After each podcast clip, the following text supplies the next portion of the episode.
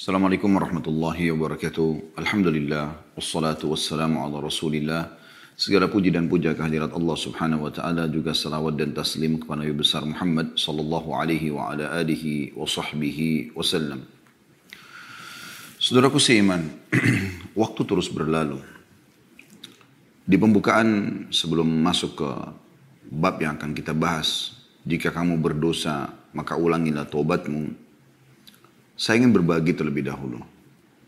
Renungi teman-teman sekalian. Terlalu banyak, terlalu banyak sekali lagi orang-orang sebelum kita. Laki-laki, perempuan, anak-anak, orang tua yang sudah wafat. Sesehat apa pun badan mereka, setinggi apa pun prestasi dunia mereka telah kejar, dan semua yang berhubungan dengan masalah target-target yang biasa dijadikan sebagai target utama setiap orang di muka bumi ini, mereka sudah coba raih, mengejar dan raih. Tapi mereka meninggal dunia teman-teman sekali. Saya bukan menakut-nakuti, tetapi saya dan Anda semua juga akan menjadi mayit. Hari ini kita bisa ngobrol, bernafas, melihat, mendengar. Tapi satu waktu nanti Allah berfirman dalam Al-Quran, A'udhu billahi minasyaitan rajim, Kullu nafsin zaikatul maut. Semua yang berjiwa pasti akan mati. Orang-orang yang lebih baik daripada kita para nabi-nabi, di ujungnya atau puncaknya adalah Nabi Muhammad sallallahu alaihi wa ala alihi wasallam juga wafat. Sampai pada saat beliau wafat, sebagian sahabat masih shock dan seperti tidak percaya apa yang sedang terjadi. Tapi Abu Bakar radhiyallahu anhu tampil pada saat itu. Lalu mengatakan man kana ya'budu Muhammadan fa inna Muhammadan qad mat. Wa man kana ya'budu Allah fa inna Allah hayyun la yamut. Siapa yang menyembah Muhammad, Muhammad telah mati. Dan siapa yang menyembah Allah, Allah hidup dan tidak akan pernah mati. Kalau manusia terbaik, pemimpin anak Adam, Nabi Muhammad SAW pun wafat, maka saya sama anda lebih pantas untuk melalui itu. Allah berfirman tentang nabinya innaka mayyitun wa innahum mayyitun. Kau pasti akan menjadi mayyit hai Muhammad, akan mati dan mereka semua juga pasti akan mati. Kita akan mati teman-teman sekalian. Dan pada saat kita meninggal dunia kita akan diminta pertanggungjawaban terhadap waktu, rezeki yang sudah Allah berikan selama di dunia. Ke mana kita habiskan umur kita? Waktu-waktu kita. Harta yang telah Allah titipkan. Pasangan hidup keturunan. Orang mukmin sangat cerdas. dia tahu pada saat dia berstatus suami, maka dia akan coba memaksimalkan tugas dia sebagai suami yang telah Allah bebankan, memberikan nafkah, pendidikan, perlindungan pada istri dan juga anak-anaknya, sampai ajal datang. Yang dia jadikan target adalah ridho Tuhannya Allah subhanahu wa ta'ala yang akan membalas terhadap apa yang dia lakukan.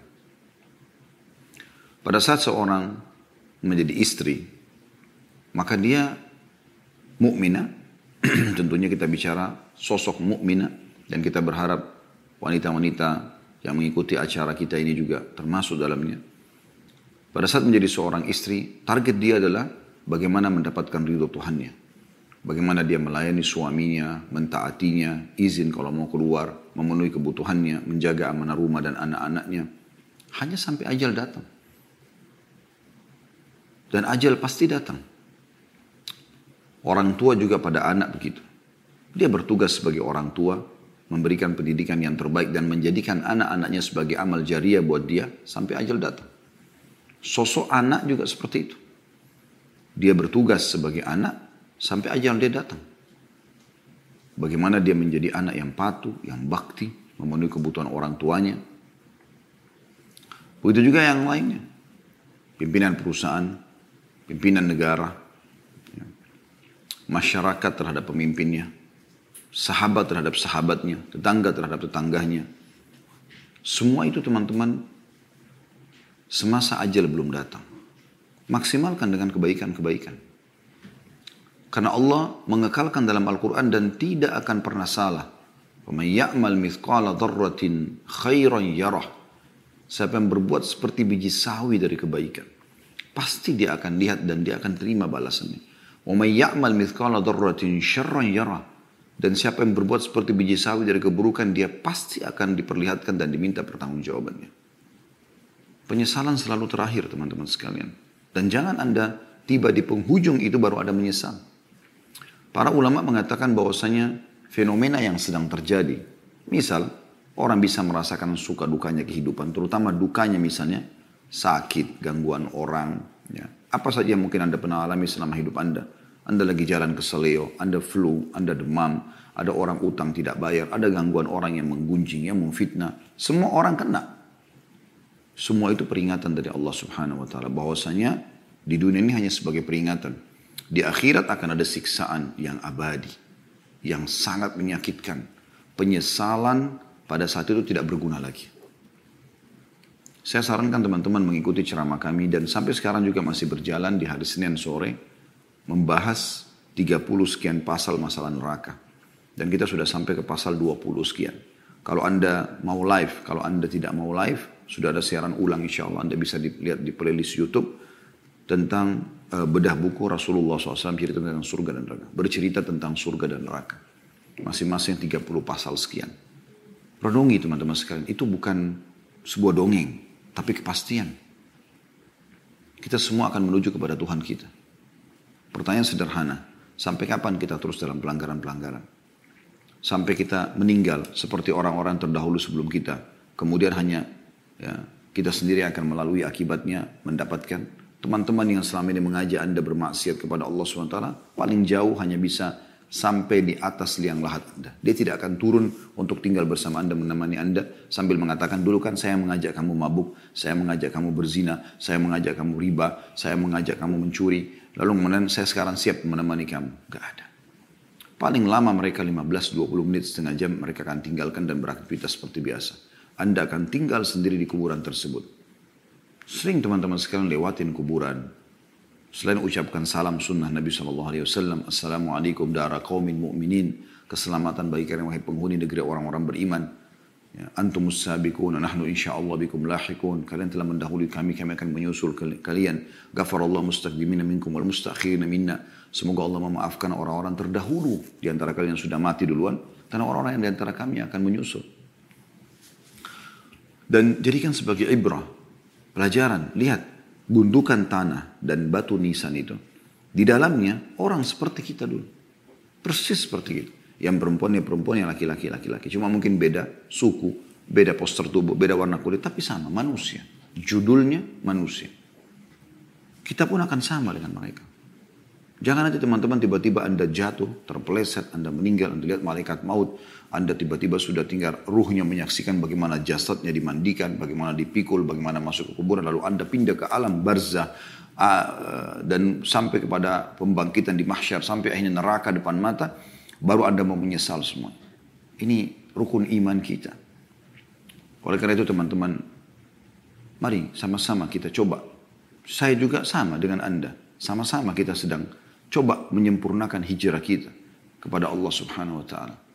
Buku yang sedang kita bahas ini membahas tentang masalah kiat-kiat hijrah dari keadaan yang terpuruk, jauh dari agama, tidak faham, tidak mengingat akhirat, tidak tunduk kepada Allah subhanahu wa ta'ala, kepada ketaatan. Begitu dikatakan dalam judulnya kiat-kiat hijrah dari kemaksiatan dan istiqomah dalam ketaatan. Kesempatan ini insya Allah kita akan bahas tentang masalah judul yang diangkat oleh penulis, jika dosa berulang maka ulangi taubatmu. Perlu saya titik beratkan dulu, bahasan ini teman-teman sekalian bukan berarti, oh ternyata pintu tobat masih dibuka. Ya nggak apa-apa saya buat dosa lagi. Nanti saya tobat lagi. Bukan itu maksudnya. Siapa yang menjamin Anda, teman-teman sekalian, pada saat Anda sudah taubat, lalu kemudian Anda buka pintu nasihat, Anda masih bisa taubat lagi. Mungkin Anda tidak sempat taubat. Berapa banyak orang yang tadinya sudah istiqomah di jalan Allah subhanahu wa ta'ala, dia sudah bisa merasakan walaupun sedikit nikmat keimanan, nikmat sholat berjamaah, nikmat tutup aurat, nikmat ya, e, berdoa, nikmat berzikir, nikmat majelis ilmu. Dia sudah bisa merasakan manisnya iman. Tapi karena dia merusak sendiri dengan pergaulan, dengan lingkungan, dengan tempat kerja, dengan tontonan, dengan hal-hal yang didengar dan segala macam. Dan dia tidak segera taubat kepada Allah subhanahu wa ta'ala, akhirnya dia terjerumus dalam dosa. Dan ternyata dia meninggal dalam keadaan itu. Sehingga akhirnya ada konsekuensi hukuman. Kita butuh teman-teman sekalian, pada saat kita sudah taubat kepada Allah subhanahu wa ta'ala, taubat yang tulus, yang sudah kita bahas pada bulan yang lalu, dan kita istiqomah di atas kebaikan itu. Oleh karena itu saya pernah sampaikan kiat-kiat istiqomah dari kami, jangan pernah tinggalkan majelis ilmu. Selalu dengarkan, buat simbol hidup kita tidak ada hari tanpa ilmu. Kemudian amalkan ilmu itu. Sudah berapa kali Anda dengarkan tentang sholat malam, tentang sedekah, tentang zikir, tentang doa, tentang segala macam amal soleh. Sudahkah Anda terapkan dalam kehidupan Anda? Terapkan. Dan sudah sering saya bahasakan, paksakan.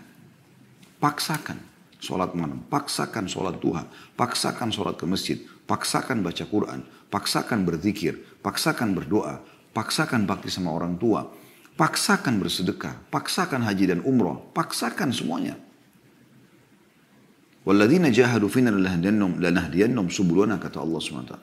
Orang-orang yang memaksakan diri, berusaha ya, menuju ke jalan kami, kami akan berikan dia panduan ke jalan-jalan kami. Paksakan saudaraku sini. Di tangan anda semua keputusan itu. Kemudian bentuk komunitas yang baik. Mulai sekarang semua teman-teman harus yang soleh bagi laki-laki dan soleh bagi perempuan.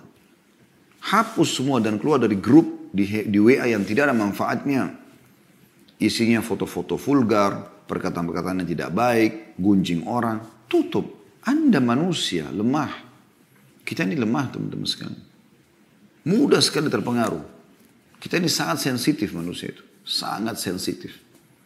Saya pernah bahasakan dan saya kasih contoh, saya ulangi lagi. Saya bisa pada saat memegang misalnya taplak meja ini, saya bisa seketika mengetahui kalau benda ini kasar atau halus. Saking sensitifnya manusia. Kita pada saat memegang sesuatu kita bisa tahu ini dinding ini dingin misalnya, kasar atau atau halus atau misalnya dingin ataupun panas misalnya suhunya kita seketika bisa tahu. Misalnya kalau karena ruangan dingin misalnya atau lagi musim dingin atau lagi musim panas gitu kan. Kita bisa bedakan teman-teman sekarang seketika bau itu wangi atau busuk. Kita bisa seketika membedakan ini terang atau gelap dengan mata kita selama masih normal. Kita bisa bedakan mana intonasi suara yang keras, mana yang kecil dengan kuping kita. Kita bisa bedakan dengan lidah kita, oh ini manis, oh ini asam, oh ini pedas. Kita bisa rasakan semuanya seketika. Jadi kalau Anda mendengar sesuatu yang berbau kemaksiatan lalu Anda mengatakan saya tidak terpengaruh, itu nggak mungkin. Memang harus tutup kuping itu. Para salafus soleh kalau lewat mendengarkan musik atau mendengarkan sesuatu yang bisa mengganggu imannya, mereka tutup kuping mereka. Segera selamatkan diri. Lisan, kontrol. Sebelum mengucapkan teman-teman, pikir dulu, ucapan ini perlu nggak saya sampaikan? Perlu nggak saya ucapkan? Kalau enggak jalankan sabda Nabi SAW. Man kana yu'minu billahi wal yawmil akhir falyakul khairan aw liyasmut. Sampai mengaku beriman kepada Allah dan hari akhir ucapkan yang baik saja atau dia diam. Sampai pernah Nabi SAW mengingatkan banyak orang masuk neraka karena lisannya. Maka kata Mu'ad bin Jabal, ya Rasulullah, apakah kami akan dihisap sama Allah karena lisan kami? Kata Nabi SAW, celaka hai Mu'ad kalau kau tidak tahu. Mayoritas orang masuk neraka justru kena lisannya. Sampai kata Nabi SAW, siapa yang bisa menjamin untukku apa yang di antara dua pipinya, lisannya. Dan apa yang di antara dua kemaluan, dua pahanya, kemaluannya, maka aku akan jamin baginya surga. Kontrol. Kontrol teman-teman sekalian. Keputusan di tangan Anda. Dan Anda akan bertanggung jawab dengan itu semua. Bentuk komunitas yang baik. Gak ada lagi grup-grup yang berbau kemaksiatan. Nggak ada lagi teman-teman tempat curhat yang aneh-aneh. Tidak ada lagi tontonan hal yang didengar yang bisa membuat Anda terbawa dengan arus mereka. Kata Nabi SAW, min husni islamil ma la ya'ni.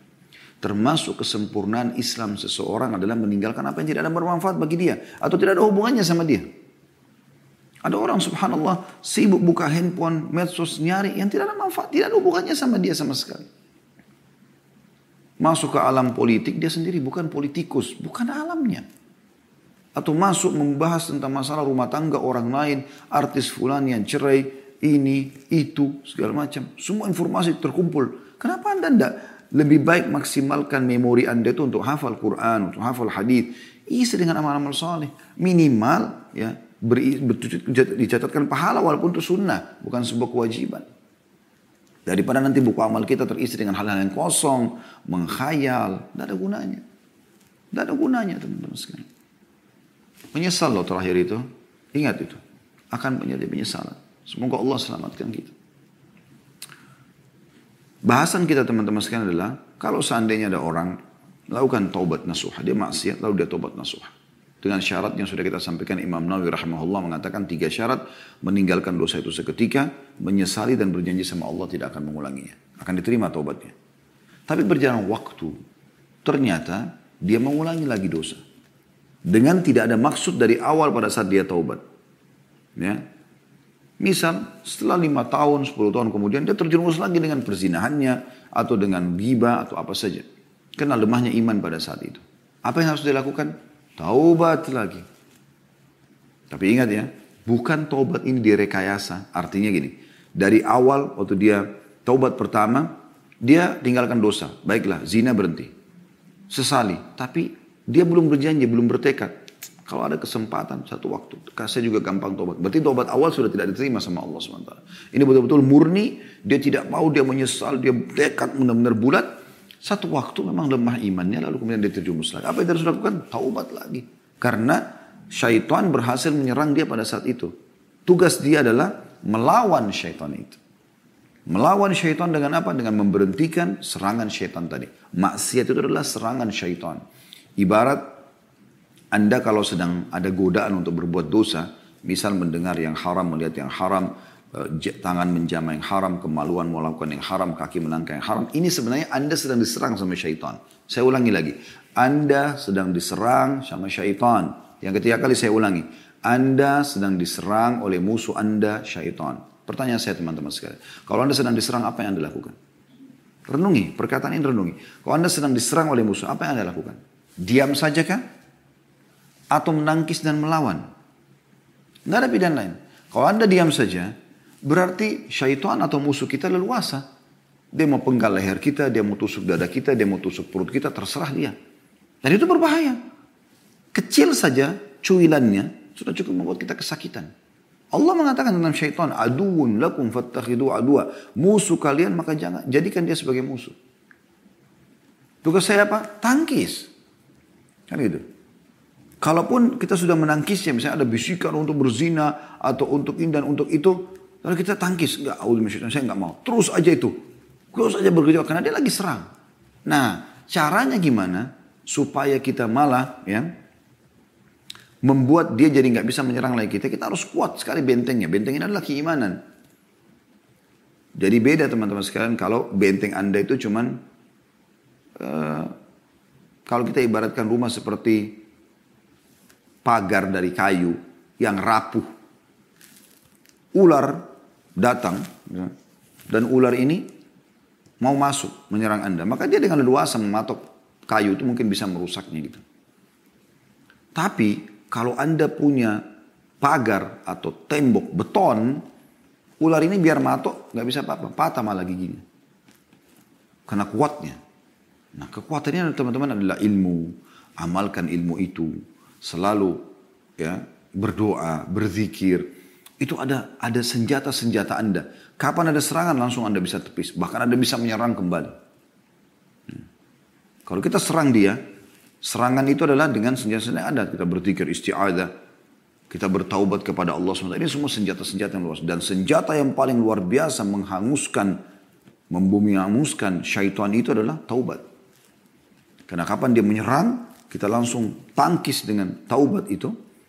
Astagfirullah wa atubu ilaih. Saya nggak akan lakukan. Maka dia akan kalah secara otomatis. Sampai pernah dinukil dalam sebuah riwayat. Iblis berkata, saya akan terus menyesatkan hamba-hambamu ya Allah.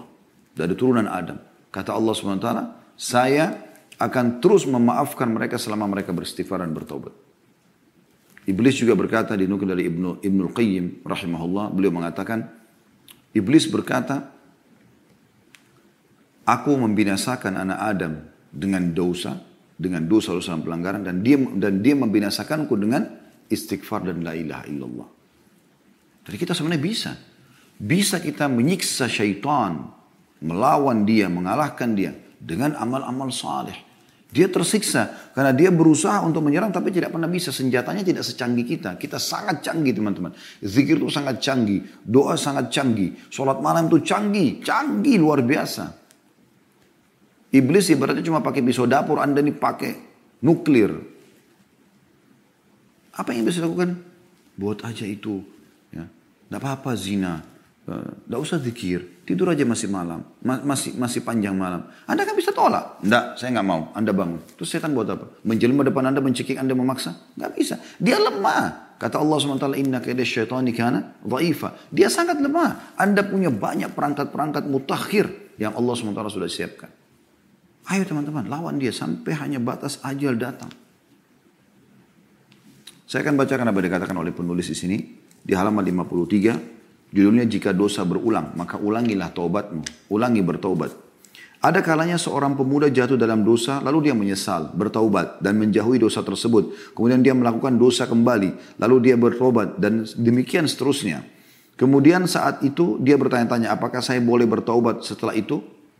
Syaitan memang sengaja bersandar pada kelemahan tersebut untuk meyakinkannya supaya tidak bertaubat dan bahwa dia bukan orang yang bersungguh-sungguh. Jadi kalau orang sudah buat dosa, sudah buat dosa lalu bertobat. Jarang waktu lama, lalu dia buat dosa lagi.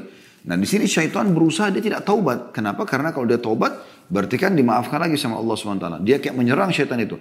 Syaitan tidak mau. Kalau dia sudah berhasil lukai tubuh kita, dia nggak mau teman-teman sekalian, ya sudah selesai. Enggak, dia akan coba berusaha mematikan kita.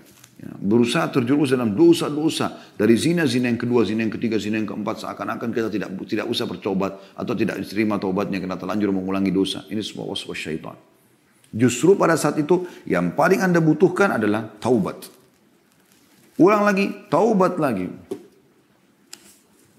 Kata beliau, tetapi jika dia berpikir dalam hati dengan sungguh-sungguh, dia akan mengatakan dosa yang pertama telah berlalu dan aku telah bertaubat darinya. Sedangkan ini adalah dosa yang lain dan aku harus bertobat darinya. Lebih baik aku meninggal dalam keadaan bertobat daripada aku mati dalam keadaan tetap melakukan dosa. Dalam sunnah nabawiyah, maksudnya dalam hadis Nabi SAW, ada riwayat yang menegaskan makna di atas. Dalam As-Sahihain, riwayat Bukhari Muslim, dari hadis Abu Hurairah radhiyallahu anhu disebutkan bahwa Rasulullah صلى الله عليه وسلم برسبد إن عبدا أصاب ذنبا وربما قال أذنب ذنبا. فقال ربي أذنبت وربما قال أصبت فاكفر لي. فقال ربه أعلم أعلم عبدي أن له ربا يكفر الذنب ويأخذ به؟ غفرت لعبدي ثم مكث ما شاء الله ثم أصاب ذنبا أو أذنب ذنبا فقال ربي أذنبت أو أصبت آخر فاغفر لي. فقال علم عبدي أن له ربا يكفر الذنب ويأخذ به. غفرت لعبدي ثم مكث ما شاء الله ثم أذنب ذنبا وربما قال أصاب ذنبا.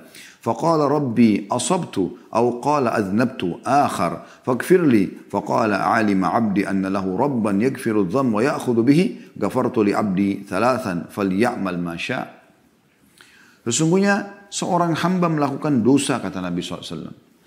Atau beliau bersabda berbuat dosa. Lalu dia berkata, Wahai Tuhanku, aku telah berbuat dosa. Maksudnya dia menyesali. Atau kata Nabi SAW, dia mengatakan, aku melakukan dosa, maka ampunilah aku. Tuhannya berfirman, apakah hambaku ini tahu bahwa dia mempunyai Tuhan yang mengampuni dosa dan menghukum karenanya, karena perbuatan dosa tersebut? Maka Allah mengatakan, aku telah mengampuni hambaku ini. Karena dia tahu dia punya Tuhan yang akan memaafkannya. Kemudian dia tinggal selama yang Allah kehendaki. Maksudnya berjalan umurnya beberapa tahun, beberapa waktu. Kemudian dia melakukan dosa lagi atau berbuat dosa lagi. Maka dia berkata lagi, wahai Tuhanku, aku telah berbuat dosa atau melakukan dosa lagi, maka ampunilah. Tuhannya berfirman, Apakah hambaku mengetahui bahwa dia mengetahui Tuhan yang mengampuni dosa dan menghukum karenanya? Tanda tanya. Maka Allah mengatakan, aku telah mengampuni dosaku. Atau telah mengampuni hambaku ini. Kemudian dia pun tinggal selama yang Allah kehendaki. Berjalan lagi sekian tahun umurnya. Kemudian dia berbuat dosa lagi. Atau beliau SAW mengatakan melakukan dosa kembali. Maka ia berkata, wahai Tuhanku, aku telah melakukan dosa. Dan beliau bersabda, berbuat dosa. Nah, atau berbuat dosa Maka ampunilah aku. Tuhannya pun berfirman, apakah hambaku mengetahui bahwa dia mempunyai Tuhan yang mengampuni dosa dan menghukum karenanya? Aku telah mengampuni dosaku, aku telah mengampuni hambaku tiga kali. Maka lakukanlah apa yang dia kehendaki. Hadis ini riwayat Bukhari nomor 7507, Muslim 2758. Itu yang dimaksud di sini adalah bahwasanya dia setelah itu boleh beramal soleh. Tidak masalah, yang penting dia sudah taubat. Ya. Bukan di sini maknanya, maka dia boleh melakukan apa yang dia kehendaki, maksudnya berbuat dosa sukanya. Bukan. Berarti sekarang silakan lagi beramal saleh karena tobat-tobat yang dia ajukan sudah dimaafkan oleh Allah Subhanahu wa taala. Dalam riwayat lain dari Uqbah bin Amir radhiyallahu anhu bahwa seorang pria datang kepada Nabi sallallahu alaihi wasallam seraya mengatakan, "Ya Rasulullah, ahaduna yudhnib." Faqala, "Yuktabu alaihi." قال ثم يستغفر منه ويتوب. قال يكفر له ويتاب عليه. قال فيعود فيذنب. قال يكتب عليه. قال ثم يستغفر منه ويتوب. قال يكفر له ويتاب عليه. قال فيعود فيذنب. قال يكتب عليه. ولا يمل الله حتى تمل وهي رسول الله salah seorang dari kami melakukan dosa. Beliau bersabda, dicatat dosanya. Karena pelanggaran dia. Orang itu mengatakan lagi, kemudian dia beristighfar dan bertobat darinya. Maka kata Nabi SAW, dia diampuni dan diterima taubatnya. Orang itu berkata lagi, lalu dia kembali melakukan dosa setelah beberapa waktu. Maka kata Nabi SAW dicatat dosa. Lalu dia mengatakan, kemudian dia beristighfar dan bertobat. Ini yang kedua kali. Maka kata Nabi SAW, dia diampuni dan diterima tobatnya. Orang itu mengatakan, lalu dia kembali lagi dan melakukan dosa.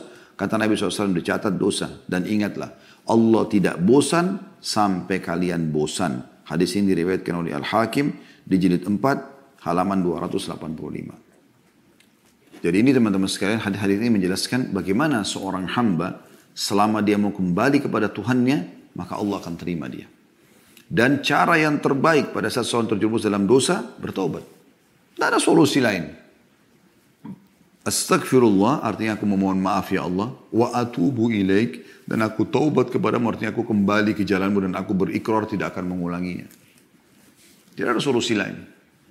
Dan dengan itu Allah akan maafkan kesalahannya dan secara otomatis semua fasilitas akan kembali dia bisa nikmati. Ibnu Abi Dunya dengan sanatnya meriwayatkan dari Ali radhiyallahu anhu dia mengatakan sebaik-baiknya adalah setiap orang yang diuji dalam kurun dengan dosa lalu bertaubat. Ditanyakan, jika dia mengulanginya lagi, maka dia menjawab dia, istiq, dia beristighfar kepada Allah dan bertaubat. Ditanyakan, jika dia kembali berbuat dosa, dijawab, maka dia menjawab, dia beristighfar kepada Allah dan bertobat. Ditanya, sampai kapan? Kata beliau, sampai syaitan berputus asa. Karena syaitan tadi harapannya adalah kalau kita berbuat dosa, kita merasa terkucilkan, kita merasa Allah tidak akan terima, bersangka buruk dengan Allah, lalu kemudian kita terus terjumus dalam dosa. Dia berharap kita celaka dan bersama dari neraka. Oleh karena itu, yang terbaik adalah taubat. Lalu teman-teman sekalian, saya kembali mengingatkan, poin yang sedang kita bahas ini bukan berarti menggampang-gampangkan, oh kalau gitu buat dosa aja nggak apa-apa nanti tobat lagi. Itu berarti dari awal dia memang meremehkan masalah ini. Kita sedang membahas orang yang melakukan dosa, Kemudian dia coba istiqomah, satu waktu dia safar satu negeri, dia terjerumus berteman sama orang-orang yang buruk, lalu terjerumus dalam dosa, kemudian dia kembali. Nah ini dimaksud di sini. Ya. Tidak boleh dia putus asa dari rahmat Allah subhanahu wa ta'ala. Tetap dia kembali kepada Allah subhanahu wa ta'ala. Tentu akan lebih baik, jauh lebih baik dan lebih afdal orang yang terus istiqomah dan istiqomah dan tidak buat dosa. Misal, seseorang atau dua orang, A sama B, dua-duanya umur yang sama, misal sama anggaplah sama-sama laki-laki atau sama-sama perempuan. Berjalanlah mereka dua orang bersahabat ini. Tadi yang sama-sama bermaksiat, sama-sama pemabuk, sama-sama narkotika, sama-sama pezina, sama-sama uh, pemain ini dan itu, uh, apalah judi dan seterusnya. Lalu mereka taubat nasuha. Hijrahlah mereka ini. Sebagaimana sekarang tidak asing Masya Allah di beberapa komunitas ikhwan dan akhwat kita yang dulunya masa lalunya kelam mereka sekarang sudah hijrah. Baik. Berjalan waktu. Setelah berjalan waktu, si A terjerumus lagi dalam kedosa setelah 2-3 tahun terjerumus lagi dalam dosa-dosa yang dia lakukan walaupun tidak semua diulangi sama dia. Tapi si B tetap istiqomah. Ya. Misal tahun ketiga, tahun keempat si A taubat nasuha lagi kembali, lalu kembali istiqomah bersama si B. Kira-kira mana yang lebih baik di sini? Lebih baik tetap si B. Ya kan? Karena di waktu yang si A berbuat dosa, walaupun dia taubat Allah maafkan, di detik-detik yang dia pakai dosa, si B sedang melakukan ketaatan. Iya kan? Misal si B lagi sholat malam, si A lagi di karaoke. Walaupun nanti si A ini taubat nasuha, tapi tetap detik-detik itu kosong dari amal soleh. Si B telah mengisi dengan amal soleh. Kan begitu. Jadi kalau kita tanya mana yang lebih baik, ya tentu yang sudah taubat sekali lalu dia istiqomah. Dan itu dicontohkan oleh para sahabat Ridwanullahi alaihim. Mereka sekali masuk Islam, sekali taubat, mereka terus sampai meninggal dunia. Bahkan mereka berkorban ya, jiwa hartanya sampai supaya mati dalam keadaan Islam. Kalau ada yang terjun dalam dosa, dia akan diterima tobatnya. Selama memang dia masih taubat nasuha. Tetapi, walaupun nanti dimaafkan dosanya, tapi ada detik-detik di, di waktu dia buat dosa yang dia tidak ter, tidak terisi amal saleh. Mungkin orang yang seumur dengan dia nanti akan mengalahkan dia di sini karena diisi dengan amal saleh. Mudah-mudahan ini bisa ditangkap pesannya. Kemudian pernah ditanya juga kepada Al Hasan Basri rahimahullah, kenapa salah seorang dari kita tidak malu kepada Tuhannya? Dia memohon ampun atau ampunan atas dosanya kemudian mengulangi lagi. Beristighfar kemudian mengulanginya lagi. Maka dia menjawab, syaitan ingin menanamkan demikian kepada kalian. Karena itu jangan kalian bosan beristighfar. Syaitan ingin tanamkan, kan tadi, misalnya dia buat dosa lalu dia tobat nih. Mulai dia istiqomah. Ini syaitan luar biasa, ngatur strategi yang luar biasa. Supaya anda terjerumus lagi dalam dosa. Kalau anda tidak bisa ya sudah dia kalah. Gitu kan. Hanya sampai ajal nanti datang saya bilang.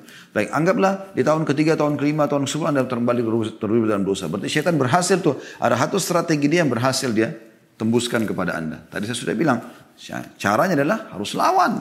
Melawan, tidak boleh dibiarkan. Law, senjata yang paling bagus taubat. Maka akan tertutup lagi pintu dia sekian tahun ke depan. Bahkan mungkin sampai kita meninggal. Jangan dibiarkan dia leluasa melakukan perbuatan-perbuatan yang merusak kita. Umar bin Abdul Aziz rahimahullah salah satu khalifah yang masyhur dari Umayyah pernah berkata dalam khutbahnya wahai manusia barang siapa yang melakukan satu dosa maka hendaklah ia beristighfar dan bertobat kepada Allah.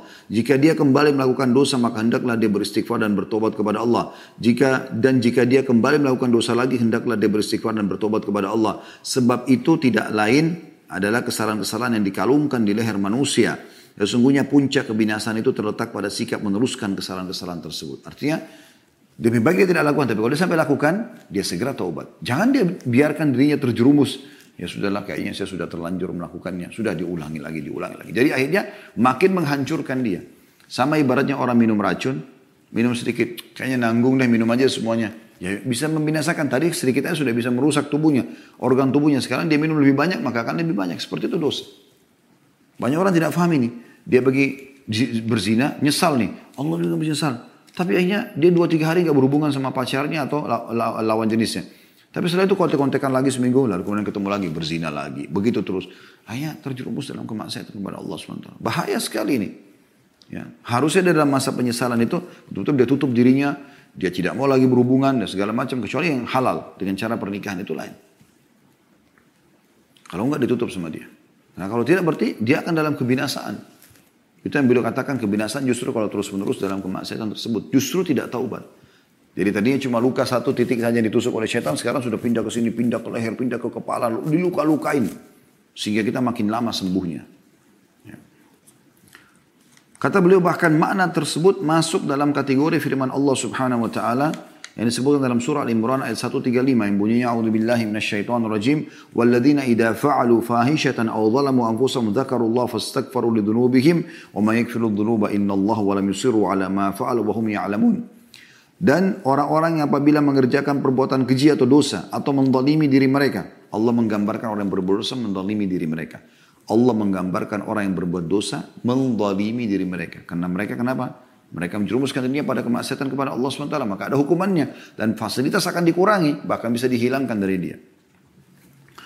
Mereka segera, orang-orang ini, orang yang terjerumus dalam kemaksiatan, mereka segera berzikir atau mengingat dan menyebut Allah, lalu memohon ampun atas dosa-dosa mereka. Dan siapakah yang dapat mengampuni dosa selain Allah? Dan mereka tidak meneruskan perbuatan dosa itu sedangkan mereka mengetahuinya. Jadi kalau sudah tobat jangan ulangi. Tapi kalau terjadi lagi, seperti serangan setan lagi lolos, ingat, lawan, ya, taubat, tutup lagi pintu itu. Dan lebih baik orang yang tidak membukanya sama sekali. Tapi kalau orang sudah terbuka, jangan putus asa dari rahmat Allah subhanahu wa ta'ala. Juga firman Allah SWT dalam surah Al-A'raf ayat 201 yang berbunyi, A'udzu billahi syaitonir rajim. Innal ladzina innal ladzina taqaw idza massahum ta'ifun minasyaitani tadhakkaru fa idahum mubsirun. Sesungguhnya orang-orang yang bertakwa bila mereka ditimpa was-was dari syaitan, bisikan untuk menjerumuskan diri dalam kemaksiatan, mereka ingat kepada Allah dan maka ketika itu juga mereka melihat kesalahan-kesalahannya. Artinya dia merasa, oh ini salah, saya harus berhenti. Asal memang mereka mau menangkap sinyal-sinyal dari Allah Subhanahu wa taala. Ya. Nabi Yusuf AS pada saat digoda oleh istri majikannya, maka Allah mengatakan laula arra'a rabbi. Kalau bukan dia melihat petunjuk dari Tuhannya, maka dia bisa terpengaruh juga. Tapi pada saat orang membuat dosa itu sering ada sinyal dari Allah. Rasa takut, rasa khawatir, ya, ada yang lihat, apalah segala macam. Mungkin kalau orang mau berzina tiba-tiba telepon pasangannya masuk, apalah, ada saja. Maka dia berhenti. Oh ini peringatan dari Allah, harus berhenti. Lawan. Ya. Pergi, kerjakan ibadah. Gitu. Kemudian dalam surah Al-Baqarah 195 juga berbunyi Allah berfirman, A'udzubillahi minasyaitonir wala tuhliku wala tulku biaidikum ila tahluka. Saya ulangi, wala tulku biaidikum ila tahluka dan jangan kalian menjatuhkan diri, diri, diri kalian ke dalam kebinasaan. Kemaksiatan adalah kebinasaan. An-Nu'man bin Bashir radhiyallahu anhu sahabat Nabi yang mulia mengomentari berkata idza adnaba ahadukum fala yulqiyanna bi yadihi ila tahluka wa la yaqulanna la taubata li walakin liyastaghfirillaha wal yatub ilai fa inna Allah ghafurur rahim. Jika salah seorang dari kalian melakukan dosa maka janganlah sekali-kali dia menjatuhkan dirinya ke dalam kebinasaan. Jangan dia ulangi lagi jangan dia ikutin bisikan syaitan ya. Dan jangan pula sekali-kali mengatakan tidak ada tobat bagiku akan tetapi hendaklah dia beristighfar dan bertobat kepada Allah. Sungguhnya Allah maha pengampun lagi maha penyayang. Diriwayatkan oleh Al-Bayhaqi oleh Al-Bayhaqi dalam Syu'abil Iman di nomor 7092. Juga dari sahabat yang mulia Al-Bara' ibn Azib radhiyallahu anhu beliau berkata, "Wa qala lahu rajul, ya Aba Umarah, wa la tulku bi aydikum ila tahluka, ahwa ar-rajulu yalqa al-aduwa fayuqatilu hatta yuqtal?" Qala la, walakin huwa ar-rajulu yuznibu adh-dham yuznibu adh-dham Fayaqulu la yakfirullahu li.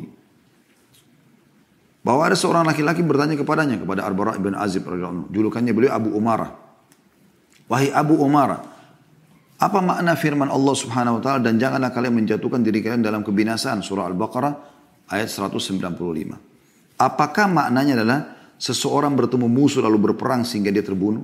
Kan di sini kalau ada terlihat ya, wala tulku bi aidikum ila tahluka. Jangan kalian membinasakan diri kalian. Apakah maknanya ini adalah masuk medan perang bawa pedang lalu hadapi musuh sehingga kita terbunuh? Maka kata beliau, bukan. Tetapi maksudnya adalah orang yang melakukan satu dosa lalu dia mengatakan Allah tidak akan mengampuni dosaku. Ya, diambil dari Al-Baihaqi juga dalam Syu'abil Iman di nomor 7, 7093. Juga firman Allah SWT, فَإِنَّهُ كَانَ لِلْأَوَّابِينَ غَفُورًا Sesungguhnya Allah maha pengampun bagi orang-orang yang taubat. Surah Al-Isra ayat 25. Artinya Allah SWT akan menerima taubat. Tidak ada kata-kata putus asa. Yang penting kita mau memperbaiki. Sahal atau Sa'imah, Sa'id bin Musayyab rahimahullah. Ini salah satu ulama tabi'in berkomentar. Huwa alladhi yudhnibu thumma yatub. Thumma yudhnibu thumma yatub. Thumma yudhnibu, yudhnibu thumma yatub. Yang dimaksud dengan tadi firman Allah subhanahu wa ta'ala dalam surah Isra ayat 25 fa innahu kana lil awwabina ghafura dan sungguhnya dia Allah Maha Pengampun bagi orang-orang yang bertobat. Kata beliau adalah Sa'id bin Musayyib rahimahullah, yaitu orang yang berbuat dosa kemudian bertobat. Berbuat dosa lagi kemudian bertobat. Berbuat dosa lagi kemudian bertobat. Diambil dari sama Al-Bayhaqi dalam Syu'abil Iman nomornya 7095. Juga diriwayatkan oleh Ibnu Jarir di jilid 15 halaman 69. Atta ibn Yasar rahimahullah, salah satu juga tokoh tabi'in yang masyhur berkata tentang ayat tersebut, Al-Isra ayat 25 tadi ya, bahwasanya Allah mengampuni bagi orang-orang yang tobat atau maha pengampun terhadap orang yang bertobat. Beliau mengatakan, yuznibul abda thumma yatubu fayatubu Allah alaihi. Thumma yuznibu fayatubu fayatubu Allah alaihi. Thumma yuznibu thalitha fa in Allah alaihi taubatan la tumha. Seorang hamba melakukan dosa kemudian bertobat lalu Allah menerima taubatnya. Kemudian dia bertobat do, dia berbuat dosa lagi, lantas bertobat, lalu Allah menerima taubatnya yang kedua kali. Kemudian dia melakukan dosa untuk yang ketiga kalinya. Jika dia bertobat, maka Allah menerima taubatnya dengan taubat yang tak terhapuskan. Ya. Diriwayatkan oleh Ibnu Jarir jilid 15 halaman 71. Artinya seringnya taubat ini nanti akan membuat akhirnya Allah betul-betul menyelamatkan dia sehingga tidak terjerumus lagi dalam dosa. Juga dari Wahab bin Jarir rahimahullah beliau berkata dari ayahnya dia menuturkan كنت جالسا عند الحسن إذ جاءه رجل فقال يا أبا سعيد ما تقول في العبد يذنب ذنبا ثم يتوب قال لم يزداد بتوبته من الله إلا دنوا قال ثم عاد في ذنبه ثم تاب قال لم يزداد بتوبته إلا شرفا عند الله ثم ذكر حديثا عنه صلى الله عليه وسلم ثم قرأ إن الذين اتقوا إذا مسهم طائف من الشيطان يتذكروا فإذا هم مبصرون Kata beliau kami pernah duduk di sisi Al-Hasan, maksudnya Hasan Basri rahimahullah. Tiba-tiba seorang pria datang kepadanya dan mengatakan, wahai Abu Sa'id, Abu Sa'id julukannya Hasan Basri. Apa yang anda katakan mengenai hamba yang melakukan satu dosa kemudian bertaubat? Al-Hasan Basri berkata, tidaklah perbuatan itu, ya, atau tidaklah dia bertambah dengan taubatnya melainkan semakin dekat dengan Allah. Dia buat dosa lalu dia taubat berarti dia dekatkan diri kepada Allah. Ya. Lalu ditanya lagi, kemudian dia melakukan dosa lagi, lantas bertaubat. Maka katakan Hasan Basri rahimahullah, tidaklah dia bertambah dengan taubatnya, melainkan semakin mulia di sisi Allah. Yang ternyata dia tahu Tuhannya ada. Dia minta taubat lagi. Dia minta diselamatkan dari syaitan, karena dia sekarang sedang diserang. Dengan kembali kepada Allah. Kemudian dia menyebutkan sebuah hadis dari Rasulullah SAW lalu membaca firman Allah Subhanahu Wa Taala dalam surah Al-A'raf surah, surah Al-A'raf ayat 201 yang artinya sungguhnya orang-orang yang bertakwa bila mereka ditimpa was-was dari syaitan mereka ingat kepada Allah dan ketika itu juga mereka melihat kesalahan-kesalahannya. Ya. Teman-teman sekalian kesimpulannya adalah bagaimana seseorang jangan pernah putus asa dari rahmat Allah subhanahu wa ta'ala. Tentu dia berusaha istiqomah tidak terjerumus lagi dengan dosa yang sama. Tapi kalau dia terjerumus dengan dosa yang sama atau dosa yang lain, Jangan pernah berhenti untuk taubat. Minta keselamatan dari Allah subhanahu wa ta'ala dari terangan syaitan tadi. Kalau tidak maka anda akan makin jauh dan akhirnya anda akan binasa. Ya rugi dunia dan rugi juga akhirat.